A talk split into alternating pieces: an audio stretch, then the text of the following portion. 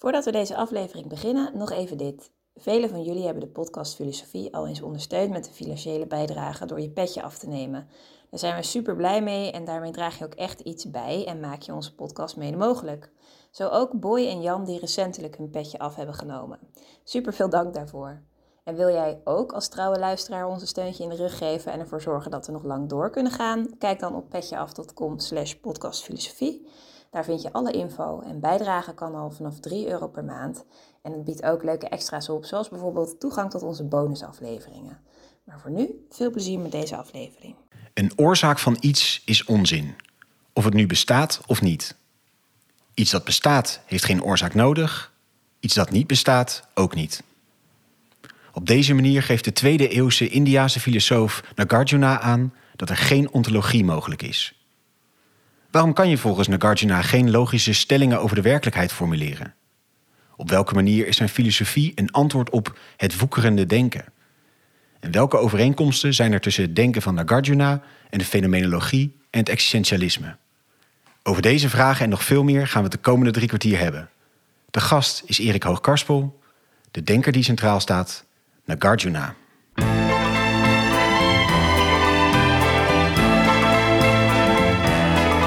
Vers les docks où le poids et l'ennui me courbent le dos.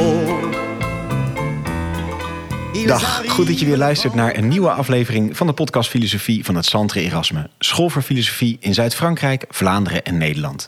Mijn naam is Allard Amelink en de trouwe luisteraars kennen het concept wel. Het is een hoofdgast, er is een presentator en een sidekick. En in ongeveer 45 minuten duiken we in het denken van één filosoof. En tegenover mij zit vandaag Letitia.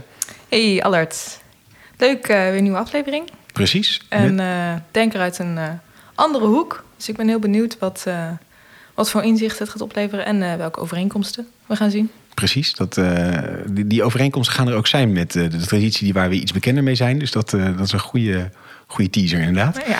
Wij zitten, vandaag zijn we te gast en we zitten aan tafel met Erik Hoogkarspel. Hij studeerde hedendaagse continentale filosofie en indologie in Groningen en Leiden.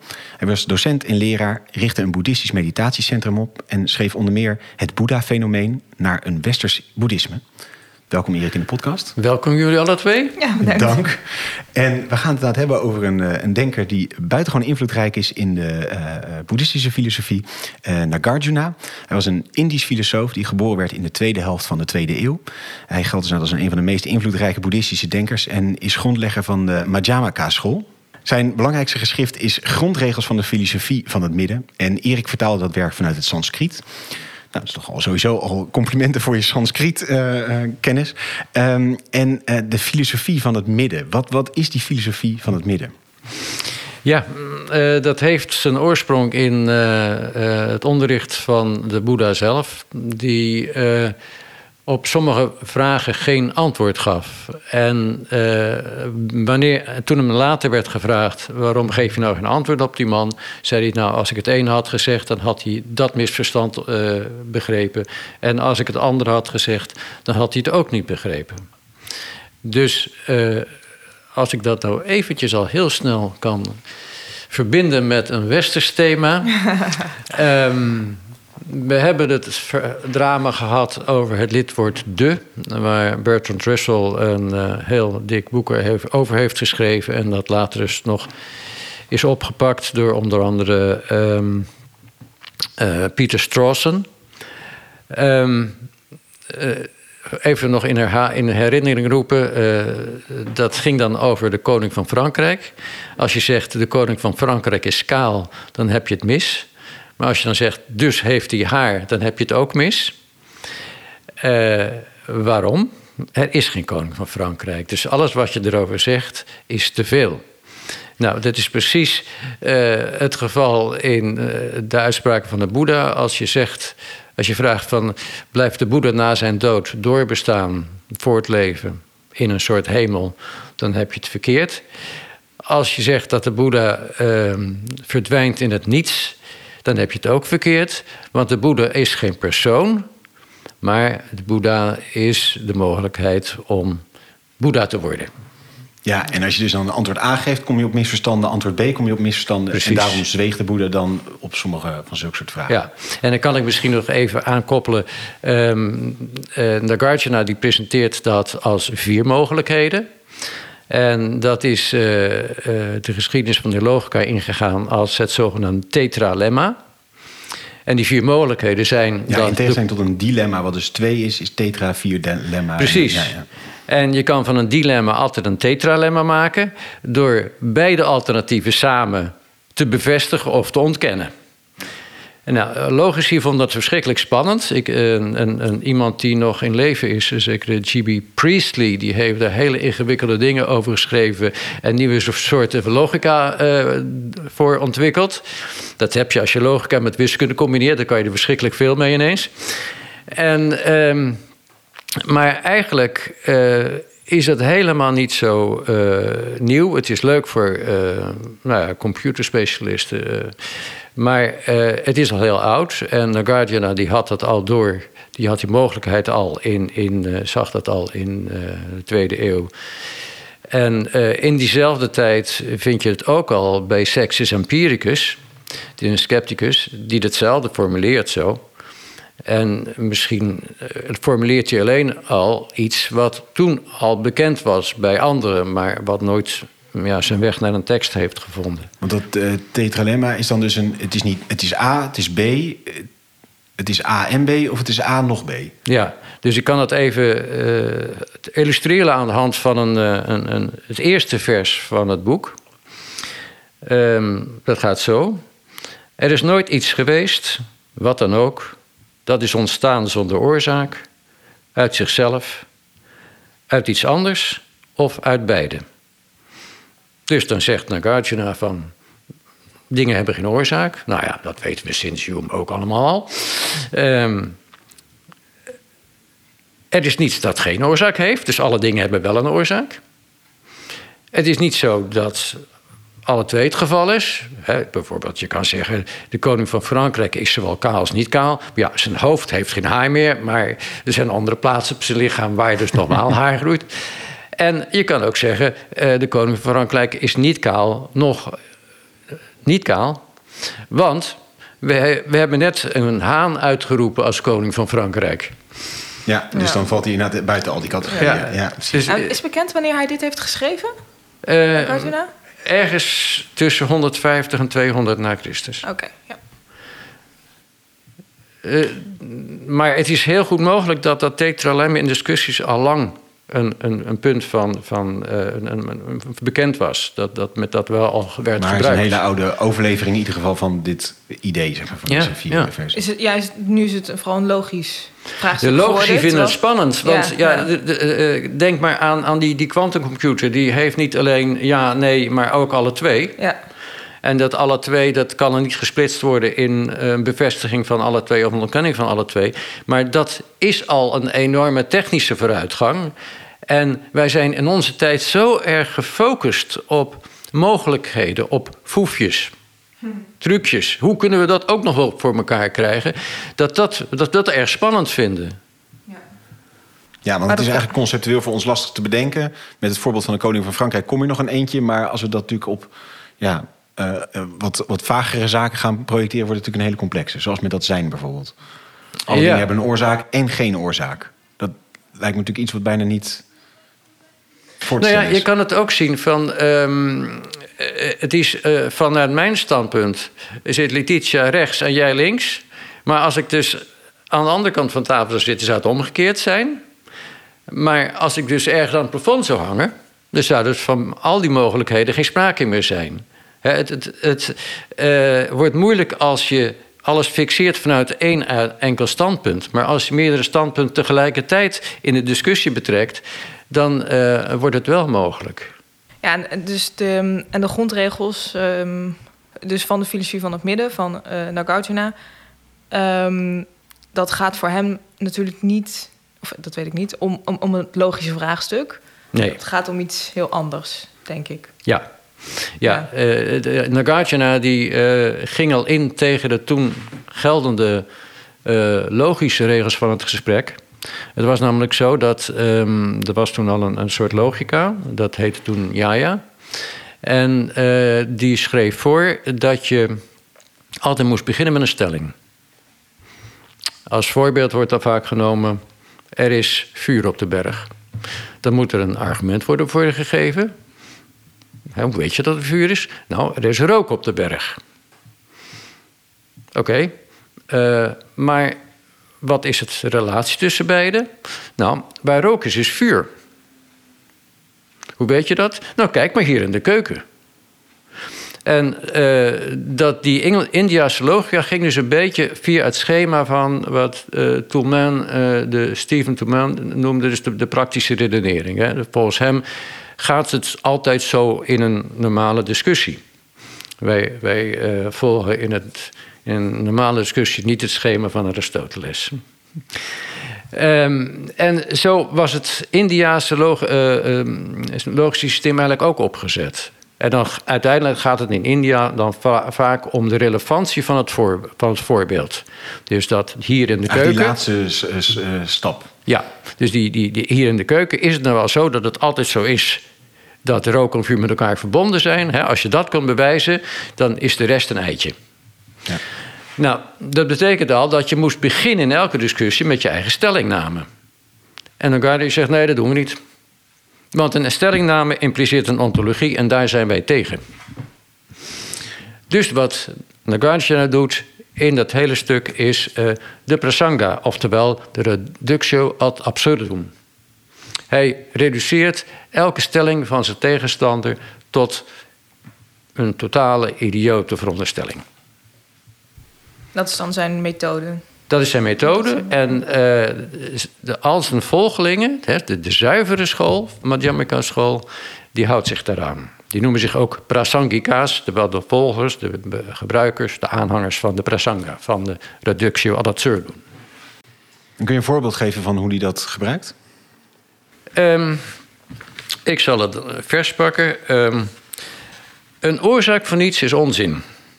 Of het nou bestaat of niet. Iets dat bestaat heeft geen oorzaak nodig. Iets dat niet bestaat ook niet. Iets dat bestaat heeft een oorzaak nodig? Geen oorzaak nodig. Geen oorzaak nodig. Want het is er al. En als het niet bestaat, wat heb je dan een oorzaak voor iets dat niet bestaat? Ja. Kortom, daarmee valt hij aan dat alle dingen een oorzaak moeten hebben. Ja. Die zegt hij, ja, maar denk daar eens door. Dus de oorzaak, oorzaak van iets is onzin. Het is er niet. We verzinnen wij alleen maar. Maar lastige discussies, lijkt me. Wat zeg je? Lijkt me lastige discussies. ja, ja, je, kon er, je kan er niet tegenin, want het klopt als een Nee. bus. Ja, dus je zegt, van, Maar, goh, ja, het waarom zijn alle dingen er? Ja, er, hoeft helemaal geen oorzaak voor te zijn, want ze zijn er toch gewoon. Ja. Dan zeg je, ja, maar, waarom zouden ze dan geen oorzaak hebben? Ja, er hoeft geen oorzaak te zijn. Nee, En als het niet waar is, was er ook geen oorzaak. Kortom, het hele idee oorzaak is niet nodig. nee. Ja, toch heeft alles een oorzaak, zegt hij dan weer, hè, in het eerste vers. Dus het komt er dus op neer, als je dat een beetje wilt, eh, dat oorzaak eh, en gevolg menselijke verzinsels zijn. Dat zijn begrippen die wij gebruiken om onze wereld een beetje leefbaar te maken. Maar we moeten niet de fout maken om te denken dat wat wij van die wereld denken ook echt in die wereld aan te treffen valt. Eh, Vriendschap is niet iets wat aan de bomen groeit. Dat is wat we doen. Als wij ons ge- gedragen op de manier van oorzaak en gevolg, dan zal eh, de wereld zich daarbij aanpassen. Wij staan niet los van de wereld. En dan geven wij die wereld, samen met de wereld zelf, een zekere vorm. Maar ehm, eigenlijk is het begrip oorzaak zelf al eh, eh, met zichzelf een tegenspraak. Want iets is niet een oorzaak ehm, voor altijd. Het is alleen een oorzaak in een situatie. En die situatie is iets wat wij zelf aanbrengen in die wereld. Die, eh, ik zou bijna willen zeggen verzinnen, maar dat klinkt al alsof wij dus op een gegeven moment eh, eh, uit onze stoel opveren en zeggen: laat ik eens een oorzaak of een situatie verzinnen. Nee, situatie is altijd waar we altijd in zitten, maar die nooit er is zonder ons. Ja, dus hij zegt, die, die oorzaak is er alleen in een specifieke situatie. Dus daarmee is die oorzaak niet buiten die situatie om. Nee. Het, eh, er is nu. ehm, En als je, als je de oorzaak dan benoemt, dan trek je hem eigenlijk uit de situatie. En dat kan dus niet. Je brengt iets aan wat er niet is in die situatie. Eh, we hebben nu de, de, de rechtszaak over die, die eh, MH17, eh, die, die ramp, dat vliegtuig is neergeschoten. Nou, het is duidelijk dat die boekraket is de oorzaak dat eh, dat vliegtuig uit de lucht is gevallen. Maar die boekraket was dat niet voordat het vliegtuig was opgestegen. Ook nog niet een seconde voordat die impact heeft plaatsgevonden. Dat is het pas achteraf. Wij zien al die eh, slachtoffers, dat leed, en we vragen hoe komt dat? En dan maken wij er een verhaal over. Om het leefbaar te maken, om het te kunnen voorkomen, om, nou ja, noem maar op. Dat is de manier waarop wij betrokken zijn in die wereld. Wat we dus doen in de filosofie vaak, is het uit elkaar halen en zeggen: hier heb je de oorzaak, daar heb je de wereld. En daar heb je ons. Maar die kun je dus, als je dat, eh, dat kun je dus voor een, een technisch verhaal kun je dat apart eh, denken en je kan het logisch sluitend maken. Maar als je dat, ehm, en dan kom je weer met een moeilijk woord, fenomenologisch denkt, is dat nooit uit elkaar geweest. En het komt dus, eh, ja, als je dus een, een, een podcast maakt, en, en, eh, dan moet je dat een beetje apart houden. Als je een computer in elkaar zet, helemaal. Want techniek werkt nou eenmaal zo. Maar als je dus ehm bevrijd worden uit die misère van dit leven, dan kun je dat niet meer uit elkaar houden. Dan moet je dus jezelf in de situatie eh, betrekken. Dus als ik hem even scherp stel, dan misschien zeg ik het niet te radicaal, maar je kan dus eigenlijk, je kan eigenlijk niet over de werkelijkheid praten. Je kan er alleen in- deelnemen. Ja, de werkelijkheid is al een verzinsel eigenlijk. Ja. Want, en dat is een. ehm, dat is eigenlijk de filosofie van de leegte. Eh, ehm, eh, Nagarjuna staat bekend als voor zijn, zijn, zijn ehm, term sunyata, leegte. Nou, dat is heel erg ehm, in zwang gekomen. Is heel erg, eh, ja, bijna een, een onderwerp van, van, van filosofie geworden. Ook onder andere door ehm, de ontwikkeling waarschijnlijk van de, de eh, negatieve theologie. Eh, waarbij het, de, dus het platonisme dat dus ook een soort leegte object of subject of een concept heeft gevormd. En ehm, Kan je misschien heel kort zeggen, negatieve theologie, wat, wat daarmee wordt bedoeld? nou, daar wordt over God ver- eh, gesproken in termen van het niets. En eh, dan is dat niet het niets van een totale leegte, maar het, maar het niets in de zin van de onbenoembaarheid.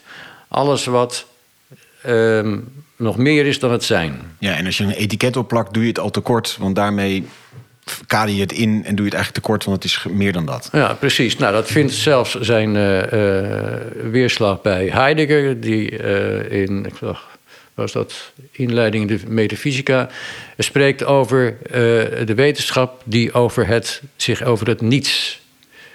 Die, die altijd bezig is met iets, maar die het niets vergeet. En dan eh, bedoelt Heidegger met het niets het zijn. Dus die staat dan helemaal in traditie van de negatieve theologie. Dat woordje niets, en bij Plato wordt het dan, eh Derrida heeft er nog over geschreven, eh, het begrip gora, ruimte, lege plaats. Ehm, dat, dat, dat, dat woord niets heeft dus zijn, zijn weg gevonden in, in de filosofie en in de kunst en eh, theologie. En ja, als Nagarjuna dan met een Aziatisch aan niets aankomt, dan eh, is het eh, dikke pret voor heel veel mensen. En bovendien komt het ook in de Tao Te Ching voor. Ehm, niet in de zin van Nagarjuna, maar in meer praktische zin. Als, eh, nou ja, de, het nut van het kopje is dat het kopje, dat er niets in zit. Want dan kun je er iets in doen. Ehm, maar Nagarjuna heeft dus ook dat woord leegte. En dat... ehm, daar is men heel erg op ingesprongen. Maar als je kijkt in de tekst zelf, dan zegt hij ja. ehm, wij noemen dit bij wijze van spreken leegte. Maar wat wij daarmee bedoelen is pratitya samutpada. Dat wil zeggen het wederzijds afhankelijk bestaan. Of wederzijds afhankelijkheid. Wat eh, door ehm, recent een, een, Alexander Snell ehm, in een boek eh, benoemd is als eh, correlativiteit. Het feit dat dingen wederzijds van elkaar afhankelijk zijn. Nee, je vindt dat in het Duitse idealisme eh, terug, bij Fichte bijvoorbeeld, maar ook in, ehm, bij Merleau-Ponty. Ehm, dus het feit dat iets niet op zichzelf kan bestaan, maar alleen kan bestaan. In relatie tot andere dingen. In relatie tot andere dingen, in een situatie enzovoort. En dat is eigenlijk bij Nagarjuna het, uh, ja, een basisbegrip. En dat is eigenlijk dan het omgekeerde van dat niets in zekere zin. Dus of, of zeg maar de, de precisering van dat niets. Iets is dus niets op zichzelf. Maar is Precies. altijd in, in tot relatie tot iets anders. Dus Precies, het, is niet, ja. het is niet helemaal niets, maar het is alleen iets in relatie tot het andere. Precies, ja. En, en hoe verhoudt zich dat nou tot dat uh, tetralemma, et cetera, van die, uh, de- dat je vanuit al die verschillende oogpunten daarnaar kan kijken? Nou, elke logica is gebaseerd op ontologie. Het gaat altijd. eh, bij, bij Aristoteles is het natuurlijk. ehm, eh, dus de predicatenlogica. Dat wil zeggen, een predicaat veronderstelt een, eh, een subject. Of een substantie waar de predicaat een predicaat van is. Ja, maar die, die, maar die substantie is er niet. Nee, dus dan zijn die predicaten ook. eh, ja, die hangen dan in de lucht. Ja. Die Ja, zijn dus dan kan niet geen- zeker meer. Je kan, geen, je kan geen logica hebben. Je kan het er niet over hebben. Nee, want er is is niets, niets waar je het over hebt. En dat ja, is want de een- dingen zijn pas in relatie tot andere dingen. Ja, En dat is ook bijvoorbeeld met die oorzaak. Ja, ik zit gewoon even zo te denken. Maar dat is ook met die oorzaak van die boekraketten. Dat, dat hele samenkomen van de ramp van MH17. Enkel in dat constellatie, in relaties tussen al die verschillende dingen, krijgen ze hun bestemming eigenlijk. Ja. Of hun, hun, hun, hun zin. Ja. Hun bestaan. ja. En eh, waarom heeft dat iets met boeddhisme te maken? Want boeddhisme is dus de weg om jezelf te bevrijden van alle mentale beperkingen en, en, en leed.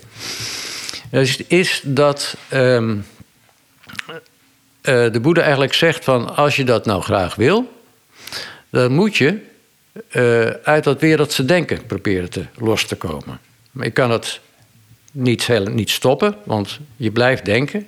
Maar je moet er bovenuit zien te komen. Je moet het, en hoe doe je dat? Door te beseffen hoe het zich voltrekt. Hoe voltrekt dat wereldse denken zich? Nou, op basis van een ontologie.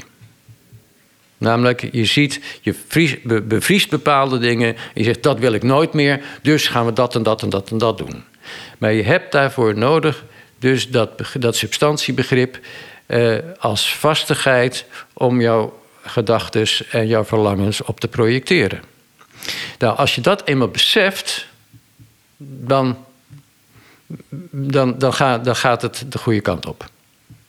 En wat Nagarjuna doet, volgens zijn eigen beste weten en willen, is dat hij dat wil overbrengen. Ja, dus daarom gebruikt hij die methode. Eh, Ja. Die, ehm, eh, wat zijn de reductio ad absurdum? Ja. Dus die, die hele ja, reductie tot het absurde... om die logische stellingen af te breken... die betrekking hebben op een werkelijkheid, op een substantie... Ja, eh, waarmee die dus mensen tot inzicht probeert te brengen... dat is er niet. Ja. Dus je moet er ook geen logische redeneringen over formuleren of opstellen. ja heel instructief is het 24e hoofdstuk. Daarin laat hij eerst een tegenstander aan het woord. Die zegt, oh, maar... pakt hem natuurlijk direct op het religieuze aspect, het spirituele aspect. Ja, met jij, met je, je leer van de leegte, je maakt eh, de monniken totaal lui en, en, en de Boeddha negeer je, want je zegt dat de Boeddha ook leeg is. En eh, je bent een, een ketter, een, een vernieler van het boeddhisme, enzovoort, enzovoort. En dan hoorde ik in gedachten eh, Nagarjuna al een beetje grinniken. Zo in de term van... er is een hole in the bucket. Is een, een liedje, er is een hole in the bucket, you realize? En dan zie je aan het eind hetzelfde figuur. En zegt Nagarjuna, ja, kijk... Als de Boeddha echt substantieel zou bestaan... dan zou nooit iemand Boeddha kunnen worden. Want de Boeddha is Boeddha uit zichzelf... en jij bent jezelf uit, zich, jezelf... en dat kan nooit veranderen. Als eh, de boeddhistische weg of de leer uit zichzelf zou bestaan... dan zou er niemand kunnen zijn die de leer, zou kunnen praktiseren. Want die bestaat uit zichzelf, jij staat ernaast. Probeer er maar eens bij te komen. Alles in ehm, zo'n wereldbeeld is bevroren als op een schilderij of op een foto. Het kan niet bewegen, alles is wat het is. Eh, als God de wereld heeft geschapen, zou hij nooit kunnen stoppen met het scheppen van deze wereld. Want hij schept deze wereld uit eigen. Het is een eigen eh, attribuut. Het is geen accident, om met Aristoteles te spreken. Dus hij kan niet stoppen met het scheppen van die wereld, want het hoort tot zijn identiteit. Juist het feit dat er leegte is, maakt het mogelijk dat we iets in deze wereld kunnen begrijpen en kunnen aanrichten. Ja. Eigenlijk is het nou, die co- collectiviteit, of eh, eh, eh, dat, dat er correlatie is tussen dingen, die relatieding, dat is eigenlijk net alle interactie is mogelijk dankzij deze redenering. Ja. Anders zou je allemaal ja, monolithische blokken hebben die tegenover elkaar staan en Ja. allemaal maar hun eigen ding aan het doen zijn. Ja, ja het is, het is het, het- een gouden tegengif tegen de Taliban, zou ik maar zeggen. Is, ja, precies. Omdat niets in zichzelf iets is, behalve in relatie tot andere dingen. Maar en, en hoe zegt hij iets over hoe dan die relatie tussen dingen vorm krijgt, zeg maar? Is daar een, een soort. Ja, de, de, de werkelijkheid toont zich natuurlijk aan ons wel in zekere gestructureerde mate. Dus er is, lijkt wel een soort eh, logica te zitten in hoe dan de relaties tussen dingen zijn. Die zijn dus nooit te, te bedenken vanuit zonder situatie. Hè, ehm, existentialisten hebben altijd al gezegd van ja, mens is altijd in situatie. En eh Husserl zei ook, eh, of schreef ook van eh, de wereld is alleen wereld voor de mens. En dat vonden we allemaal heel mooi. En ehm, ja, misschien zou je daar wel gedichtjes over kunnen schrijven. Maar voor de rest heeft het praktisch geen enkel gevolg. Nou, de Guardiana die neemt dat juist serieus en zegt: ja, maar alles wat we bedenken over de deze wereld maakt deel uit van onze eigen ideologie, van onze eigen dogmatiek. Eh, daar kunnen we mooi in blijven zitten. Ehm, nou, dan hebben we zo'n beeld van de huidige formatie. eh, is een beetje wel aardig ons. Maar willen we verder komen, willen we dus ons verlossen, willen we de wereld eh, tra- transcenderen, dan moeten we beseffen dat we dat doen. En Het transcenderen is niet zoiets van je gaat de ene kamer binnen, eh, je gaat de ene kamer binnen de andere kamer uit te gaan, maar doordat je dus het hele huis als het ware bewoont.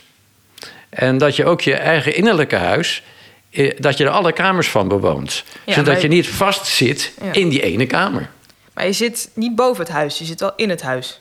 Ja, je, hangt er niet boven. Nee, dat, dat, dat is dus het, het, het, het, het, het, het idee van het christendom. Dat je deze wereld gaat verlaten. En dat je dan met een gouden eh, lepel en een gouden bordje... dus voor eeuwig in de hemel pap kan eten. Maar dat is niet zo, want die wereld is, ben je zelf.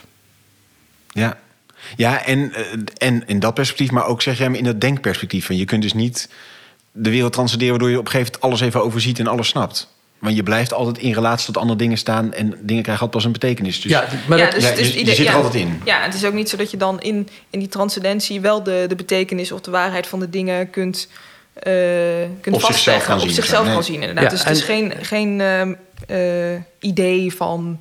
Nee, en dan heb je precies de betekenis van leegte te pakken. Is namelijk, je kunt, zodra je zegt van ik ga eruit of eh, ik ben het geheel of zoiets, dan ga je al ehm, een, een, een, een, iets objectiveren. komt via de achterdeur die ontologie toch er eigenlijk weer in. Dan komt je onder, ja, Ja, precies. ja, ja, ja. En juist door het open te gooien, heb je die mogelijkheid, nou, eh, heb je die mogelijkheid ineens. Dus ehm, wat je dan krijgt, is dus een, een een fenomenologie van het verschijnen. Een zuivere fenomenologie. Dus, dus die, die, die, die ene eh, fenomenoloog, niet zo bekend is geworden in Nederland, is Mark Richier. Die heeft dat geprobeerd helemaal uit te denken. Die zegt ook, wij le- leven in een ehm, eh, ontologisch simulacrum. Een zijnskundig nabootsel. De wereld is, eh, geen, is een illusie. Het is niet wat het is. Ehm, en eh, de dingen, de, de, de, wat, wat wij als dingen beschouwen, is eigenlijk wat wij dus ehm, mentaal vormen, conceptueel vormen, uit fenomenen die niets anders doen dan verschijnen. Dat hetzelfde ehm, idee vind je ook al in het vroege boeddhisme terug. Dat de dharma's die eh, verdwijnen terwijl ze aan het verschijnen zijn. Ja. Dus ze zijn ongrijpbaar. ja, ja. Alles wat we, eh, als je dus heel goed gaat nadenken over wat is mijn ervaring eigenlijk, dan merk je dat alles momentaan is. Alles, je kan geen enkele ervaring vastpakken. alles glipt weg. Alleen mentaal eh, ga je dat vastleggen en ga je het objectiveren. Nou is het heel handig als je dus met de trein moet. Want dan weet je dat je die trein in moet en dat de tijd uh, vast staat, min of meer. Als je de, de, de, de fundamenteel uh, fenomenologisch onderzoek wil plegen. dus transcendentale fenomenologie wilt praktiseren. Of je wilt um, jezelf bevrijden van het, uh, het leed van de wereld dan moet je die kant wel op. Ja. Anders lukt dat nooit. Tenzij je natuurlijk zegt halverwege stoppen we en we richten een kerkgenootschap op. Dan kunnen we er liedjes over zingen en dan zijn we ook tevreden. Maar, en dat is namelijk omdat die fenomenen die uh, tonen zich aan je, die verschijnen. En je probeert eigenlijk dan toch nog weer er een groter verhaal van te maken door ze vast te pakken, door ze te benoemen, door ze uh, groot te maken. Terwijl je dan dus, dus zijn ze al uit de situatie waarin ze zich aan je voldeden. dus zijn ze er al niet meer. Ja, en dat gaat automatisch. Dus als jullie straks in de trein zitten, denken jullie misschien aan ehm, fragmenten van het gesprek. Dat komt dus automatisch. Als je uh, eventjes naar iets kijkt en iets valt je op en je kijkt even weg, dan valt automatisch in je in, je retentie, zoals de, hoe ze dat noemen, grijp je, je geest grijpt direct terug naar wat je direct hebt gezien. Als je naar een object staart, dan zie je dus op een gegeven moment dat het object dus uit je gezichtsveld verdwijnt, maar tegelijkertijd even daarna weer terugkomt. Omdat je automatisch je geest het object weer terughaalt. Maar het, het gaat dus heen en weer, het flikkert. Mark Richier noemt dat ook het, het flikkeren of fonkelen, net zoals sterren aan een verre hemel. Je hebt nooit een stabiel beeld, maar uh, het, het, beweegt voortdurend. En om daarin te kunnen leven, uh, maak je daar een vast, uh, vast beeld van en, en, en vaste begrippen. Ja, om, om een soort logische overgangen tussen alle verschillende dingen te maken, blijft die in zitten. Hoe zit het dan met bijvoorbeeld, nou, om de podcast nog weer verder mee te pakken, het feit dat we deze opname opnemen, uh, of dit gesprek opnemen, welke plek neemt dat dan in, zeg maar? Daarmee proberen we natuurlijk ergens in zekere zin de tijdelijkheid van deze situatie op een bepaalde manier ontijdelijk te maken. Ja, ja, natuurlijk, want het wordt opgenomen. Ja. Het zou erg onhandig zijn als je dus dat niet zou kunnen opnemen. Nou, wel een interessant gesprek zou dan alsnog hebben. Maar, ja, we hebben een lege podcast. maar wat, wat, wat, zeg maar, eh, hoe verhoudt bijvoorbeeld zo'n soort dragers zich daar dan toe? Die waren natuurlijk in de tijd van, nou, de, ik wil kunst was er toen ook al. Je kon al dingen schrijven. Hoe, hoe... Ja, natuurlijk, uh, onthouden was van levensbelang. Kijk, dit, uh, die tekst, het, zijn karika's. En karika's waren dus um, als het ware kernzinnen die je moest onthouden. En dan kreeg je er wel een commentaar bij, dus wat het allemaal betekende. Maar als je die karika's nou letterlijk kon onthouden, dan uh, bleef het commentaar ook wel uh, hangen. En dan kon je die karika's verder dan doorgegeven. Dus uh, de, de, India in die tijd was een geheugencultuur, waarbij bijna niks werd opgeschreven. De eerste teksten die werden opgeschreven is de eerste eeuw voor het begin van de jaartelling. Daarvoor werd alles, alles uit het hoofd geleerd. Dus dat is ongelooflijk. Hoe accuraat dat nog ging. En ook wel ongelooflijk hoe inaccuraat het ook ging. Want heel veel teksten die ons zijn uh, overgeleverd vanuit die tijd... die bevatten nogal wat invoegingen en toevoegingen en veranderingen. En uh, je moet die teksten nooit vertrouwen. Maar het onthouden was natuurlijk hartstikke, hartstikke belangrijk. Maar uh, daarnaast is natuurlijk de tegenstelling tussen onthouden... vastleggen in je geheugen en actualiteit die altijd anders is. Ja. Ja, dus die herinnering komt op een hele andere context weer binnen. Uh, op een ander moment verschijnt het weer aan je. Ja, dus de, deze podcast zal beluisterd worden door mensen in, in allerhande andere contexten, andere situaties. Waardoor die uh, op details waarschijnlijk uh, bij heel veel mensen net iets anders zal binnenkomen dan anderen. Nou is dat hartstikke mooi, want als die met elkaar over zouden gaan discussiëren, zou je dus weer een hele hoop uh, nieuwe ontwikkelingen krijgen. Maar wil je nou je het boederschap uh, bereiken, moet je daar even van af, want je kan discussiëren tot je een dat werd dus, er wordt in die tekst wordt dat genoemd eh, prasanga. Dat is dus eh, een woekering van gedachten, heb ik dat vertaald. Dus het, dat is iets menselijks. Dat is mooi, je kan ervan genieten. Je kan in de kroeg een, nou, urenlang discussiëren. Ehm, dat geeft eh, groei en bloei en plezier. Uh, maar wil je dus ehm, tot rust komen, uh, die diepe innerlijke gemoedsrust ervaren, die de Grieken ataraxia noemden, dan moet je juist de andere kant op. Dan moet je naar de basis. En um, we, hebben het er even over gehad dat Nagarjuna een, een, school maakte. Is hij dan ook op dit punt, uh, omdat hij zo'n weg, een route eigenlijk daarin gaf, is hij daarom uh, zoveel, zo invloedrijk? De, zijn invloed komt door de pregnante en, en, en ja, scherpe manier waarin hij dus zijn kritiek formuleert. Um, en dat radicale afwijzen van de ontologie, dat is iets uh, wat, wat heel veel mensen toch wel erg hebben geïnspireerd. Omdat zijn uh, redeneringen ook moeilijk te ontkrachten zijn. En uh, dat heeft ertoe geleid dat in het Hindoeïsme de Advaita Vedanta richting is ontstaan, die eigenlijk gebaseerd is op een, een, een late volgeling van Nagarjuna. Het is nu een van de belangrijkste filosofische uh, hindoeïstische uh, richtingen. Maar die is, is helemaal ehm, ja, gebaseerd op de filosofie van Nagarjuna. Um, tot in de 11e eeuw. daarna is het boeddhisme uit India verdwenen. Maar tot in de 11e eeuw waren de, de belangrijkste boeddhistische auteurs in India die zeiden dat ze uh, in essentie de uh, Madhyamaka-leer toch altijd de belangrijkste vonden. Ja, maar dus... want het, het, lijkt iets paradoxaals te hebben dat je, zeg maar, dit denken is natuurlijk ergens heel deconstruerend. Ja. En dat je daar toch een school op maakt. Zo. Ik weet niet, ja, het, ja, was het er, ja. er, voelt iets, er zit iets tegenstrijdigs in. Ja, ik weet niet, je kunt natuurlijk gewoon die, die gedachtegang meemaken. Maar ergens zit er zo'n soort metaniveau in. Dat je denkt, ja, waarom kun je dat dan klopt die gedachtegang wel weer, zeg maar. Ja, je kunt vergelijken met het scepticisme. Het heeft een enorme invloed gehad, eigenlijk. Uh, als je na, na, nagaat dat van, van van Illis, de, de geschriften, die schreef niks op. Hij had één leerling, Timon. En die heeft een paar blaadjes volgeschreven. Stel niks voor, de, de man die schreef toneelstukken voor het grootste gedeelte van zijn leven.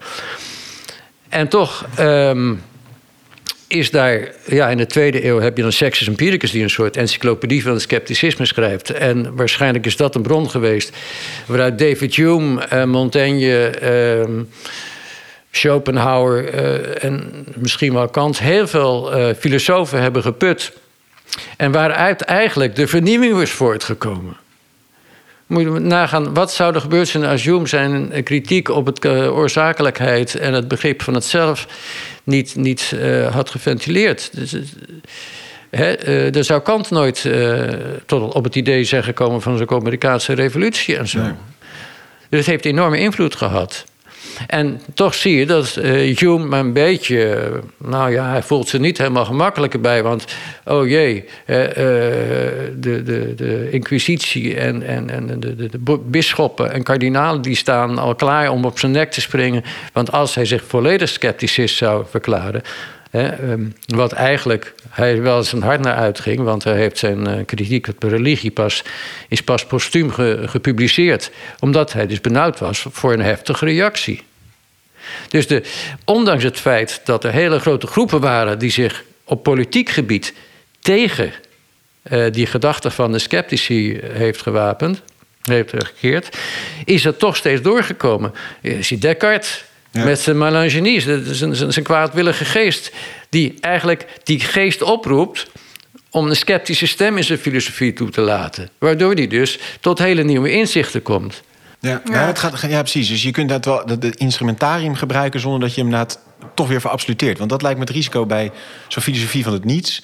En wat je eh, zei, dat dat niets alsnog weer een iets wordt. Ja, en dat, dat is een beetje het lastig. Ik kan, kan me voorstellen als je dat ze door de eeuwen heen geven. Die zegt, ja, nee, wij zijn de club van het niets. Weet je, wel, dan word je natuurlijk al iets wat je niet moet zijn. Dat lijkt me het risico ervan. Ja.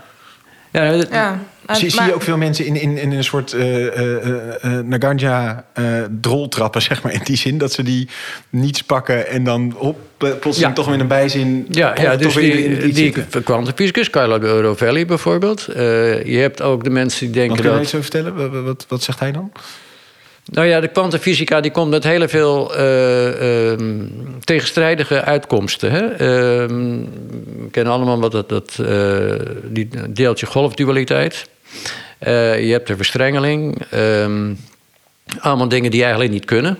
Ja, die eigenlijk een beetje in die eh tetralemma zitten in het en, en, en wel en ni- niet en wel en niet tegelijkertijd. Ja. Ja, en eh, we hebben deeltjes nodig, maar ze zijn er aan de andere kant niet. Dus dan zegt Carlo Loverri, die heeft dan eh, die tekst van The Guardian gelezen... zegt, oh ja, maar dan kunnen we het niets aanroepen.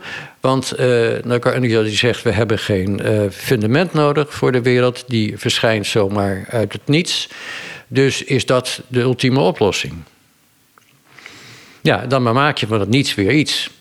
En dan wordt het gebruikt in een, in een verhaal. Ja, Ja, als een wordt object. Het concept als een object. Ja. En is eigenlijk toch nog weer de oorzaak. Dat is het fundament. Ja.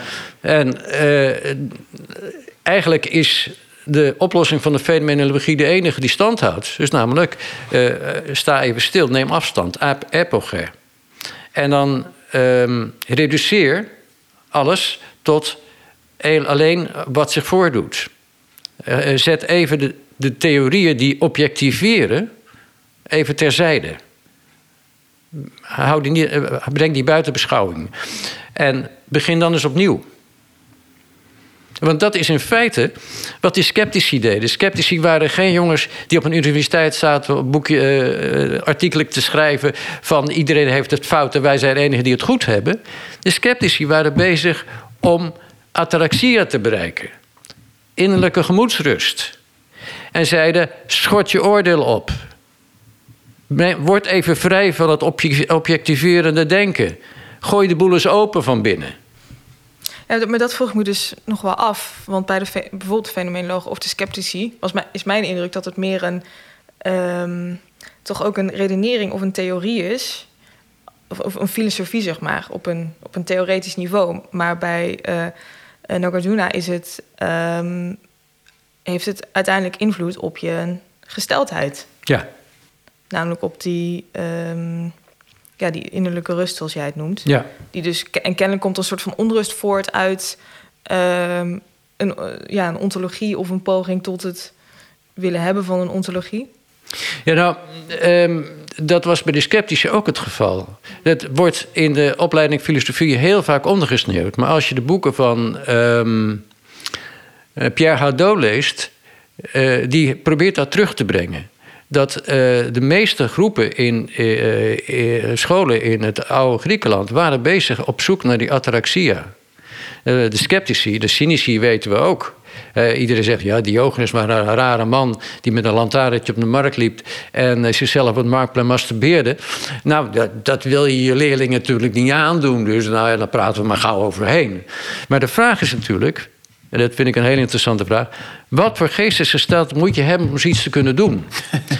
en dat deed hij dus niet als een hobby. Zo van, laten we van vandaag maar weer met een, markt, een lantaarntje op de markt gaan lopen. Nee, het was zijn manier om iets te vertellen van wat hem bezighield en wat hij had ontdekt. Ja. Maar om iets te kunnen doen en te zeggen: Ik ben de gelukkigste mens van de wereld, moet er iets van binnen gebeurd zijn. Nou, daar houdt de filosofie zich nooit mee bezig, want er wordt gezegd dat is dan voor de psychologieafdeling. Maar het is natuurlijk niet zo dat je niet door je eigen gedachten wordt beïnvloed. Dat je het moet meenemen. Daar niet een studieobject van moet maken, zoals bij de psychologen, maar dat je het in je filosofie moet betrekken. En dat is in eh, de, westerse, de westerse traditie verloren gegaan, omdat we ehm, door de invloed van het christendom het idee hebben dat we dat, die innerlijke gesteldheid eh, aan een andere instantie moeten overlaten. Dat is gescheiden van het denken. Dat is strijder van het denken. Dat was voor de theologen. De theologen die hielden eh, verhaaltjes over God en zo. En God moest het allemaal maar doen. Eh, God is verdwenen, eh, of niet meer zo erg eh, populair. Eh, dus de filosofie blijft zich bezighouden met redeneringen en artikelen schrijven. Ja, en is dus eigenlijk die hele levenscomponent, psychologische component, is dus mee verdwenen met het verdwijnen van God eigenlijk. En Ja. vindt vandaag de plek, dag dan zijn plek in psychologie of coaching. Of Maar wat is, er, ja, wat is er dan precies verdwenen, vraag ik me af. Ehm, de deelname van de filosofie van de filosoof aan zijn eigen filosofie. De betrokkenheid. Eh, er is natuurlijk wel iets teruggekomen in dat existentialisme. En dat begint. Ja, Schopenhauer was een van de eerste die dat weer in de filosofie inbracht. Ehm, maar die heeft nooit erg veel gepraktiseerd. Dan krijg je Nietzsche. Nou, eh, het persoonlijk welzijn in de filosofie van- Nietzsche gaat voornamelijk over Nietzsche zelf. Eh, Een man was een pathologisch narcist. Eh, voor de rest was een hele slimme man die heel veel interessante dingen heeft geschreven. Maar het gaat niet veel verder. Kierkegaard eigenlijk ook. Kierkegaard heeft een onderontje met God. En voor de rest schrijft Kierkegaard heel veel over zijn eigen onderontje met God. Sartre wordt wat meer, want die probeert eh, toch een soort ontologie te maken van zijn eigen existentiële betrokkenheid. Ehm, waar het eh, voor mij eh, vind ik eigenlijk dat bij, ehm bij Merleau-Ponty het ehm, wat meer open wordt. Maar zelfs bij een van de meest radicale interpretators van Merleau-Ponty, dus Marc Richier. die had een vriend, hij is in, in, 2013 overleden trouwens. Hij had een vriend eh, die deed aan meditatie en Marc Richier vond het maar raar. Dat ging je toch niet doen, je ging dan niet met gekruiste benen zitten. Terwijl die verdorie wel eh, een in opening zijn biedt in zijn filosofie. ja, in zijn filosofie. Maar ja, dat komt om- omdat die man die, die, die eh, ik denk dat een beetje een Asperger-type was. Die kon heel goed redeneren, hè, net zoals Wittgenstein. Die kon echt de, de details kon die voor je uitpluizen, maar die ging zo ver in de details. Die was zo bezig, zo geconcentreerd bezig, dat hij dus een beetje het overzicht verloor vaak. Ja. En dit is grappig, want dit brengt ons denk ik... eh, eh, dank Erik, een heel ontzettend interessant eh, gesprek. En ook wel af en toe puzzeling, omdat het een beetje telkens ook... eh, op een metaniveau op dit gesprek reflecteert, et cetera, en op de filosofie zelf. Eh, maar daarmee kom je nou terug op dat punt van... je kunt, eh Nagarjuna zegt dat je, je moet... Je, alles is altijd situationeel, dus je zit er altijd in. Dus je kunt ook niet denken buiten dat, eh, dat je erin zit. Dus daarmee is het eigenlijk al natuurlijk een soort eh, eh, ja, appel aan de filosofie... van je, je moet je er wel op betrekken. Want denken zonder dat je erop betrokken bent, bestaat eigenlijk niet. En dan eh, neem je jezelf misschien niet expliciet mee, maar impliciet zit je natuurlijk altijd in, want alles is contextueel. Nou goed, Eh, daar komen we nu op. Ehm, want het begon eigenlijk, eh, hoe begonnen we met uh, Nagarjuna? We zeiden inderdaad, hij is de filosofie van het midden. En wat is dan dat midden? Nou, dat is een beetje reagerend op Boeddha. Die zegt, ja, ik, die op sommige antwoord, vragen geen antwoord gaf. Die zegt, ja, als ik dan A zeg, krijg ik een misverstand. En als ik B zeg op die vraag, krijg ik ook een misverstand. En daardoor, doorredenerend komt Nagarjuna hij bedenkt het zelf of hij uh, dat goed uh, op het uh, tetralemma. Um, dus niet het dilemma of een trilemma, maar een tetralemma. Vier opties um, die, hij, die je eigenlijk kunt zeggen: het is A, het is B, het is A en B of het is A nog B. En dat uh, pakt hij onder andere bijvoorbeeld op het, uh, op het concept van oorzaak. Alles heeft een oorzaak, uh, niets heeft een oorzaak. alles heeft en een oorzaak en geen oorzaak. Of niets heeft een oorzaak en wel een oorzaak. Kortom, eigenlijk al die verschillende opties zijn mogelijk. En wat dus belangrijk is, dat je voorbij het ene standpunt denkt. Er is niet één absoluut punt waarop je dan zo'n keuze kan maken. Nee, al die verschillende opties zijn eigenlijk mogelijk. Um, en um, wat hij vervolgens toepast in zijn hele denken, eigenlijk in reactie op het denken in zijn tijd, is om continu het reductio ad absurdum te pakken. Dus hij uh, denkt op een hele uh, uh, extreme manier door op de, de dingen die mensen noemen. En daar komt onder andere weer eigenlijk zo'nzelfde constellatie over die oorzaak. Um, en komt hij eigenlijk op de conclusie, ja, oorzaak verzinnen wij maar. De dingen, alle dingen hebben een oorzaak en tegelijkertijd heeft niets een oorzaak. En wat er niet is, heeft ook geen oorzaak nodig. Kortom, oorzaak bedenken wij. Die begrippen die gebruiken we om de wereld leefbaar te maken. Uh, maar we treffen ze niet echt aan in de wereld. Uh, ik noem als voorbeeld vriendschap. Ja, vriendschap benoemen wij, maar we zien het niet aan de boom hangen. Um, wij gebruiken die termen om de wereld vorm te geven.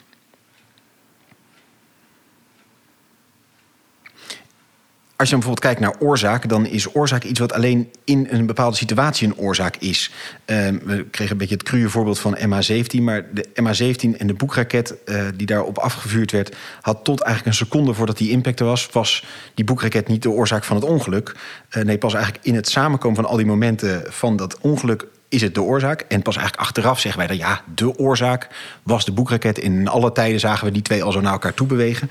Maar in de werkelijkheid is het een fenomeen wat zich voordoet op alleen dat exacte moment. Die oorzaak die plakken wij daar later op.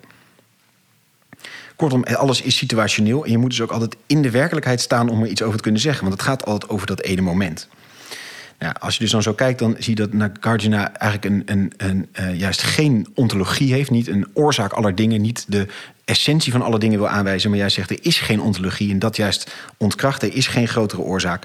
Um, alleen het, het, uh, uh, dat niets, die leegte, is niet zozeer ook dan alsnog weer een oorzaak. Dat in het einde is alles niets. Nee, er is dus eigenlijk alleen maar wederzijdse afhankelijkheid. Iets is niet op zichzelf iets, maar is alleen in relatie tot andere dingen in een situatie iets.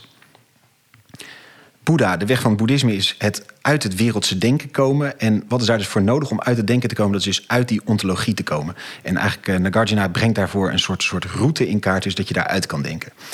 En uh, wat hij nog wel aardig zegt, hij krijgt een kritiek van... goh, de, ga je daarmee niet, uh, als je zegt dat de Boeddha eigenlijk niets is... en dat het boeddhisme in, in wezen niks is... Uh, maak je ze daarmee niet eigenlijk kapot? Hè? Maak je ze eigenlijk niet te klein? worden monniken daar niet lui van? Maak je niet de religie kapot?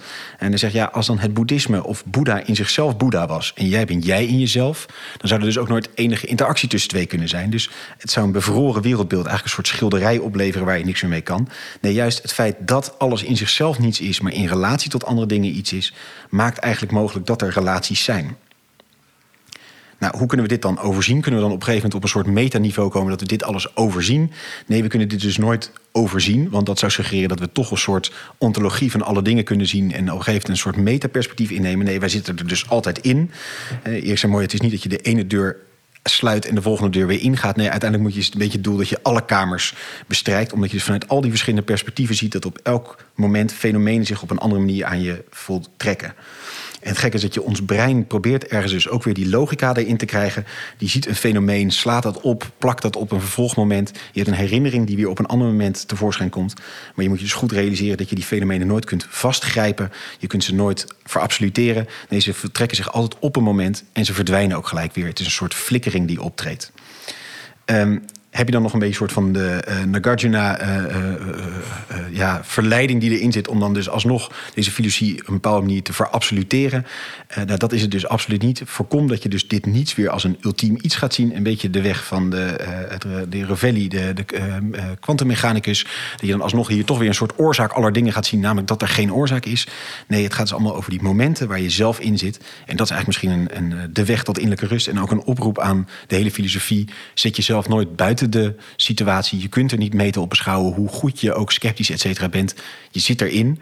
En dus is ook filosofie altijd een persoonlijke weg die je aflegt. En uh, moeten die ook niet te veel scheiden van het denken en het praktisch handelen van elke dag. Heel hartelijk dank Erik voor een buitengewoon interessante en soms wat uh, verwarrende, maar daarmee juist extra interessante podcast. Dankjewel Letitia. En jij natuurlijk heel hartelijk dank voor het luisteren. bedankt voor altijd alle leuke reacties die we krijgen. Laat vooral ook een reactie achter in de podcast app als dat kan. Dat helpt om ons beter te laten vinden. En graag weer tot een volgende aflevering.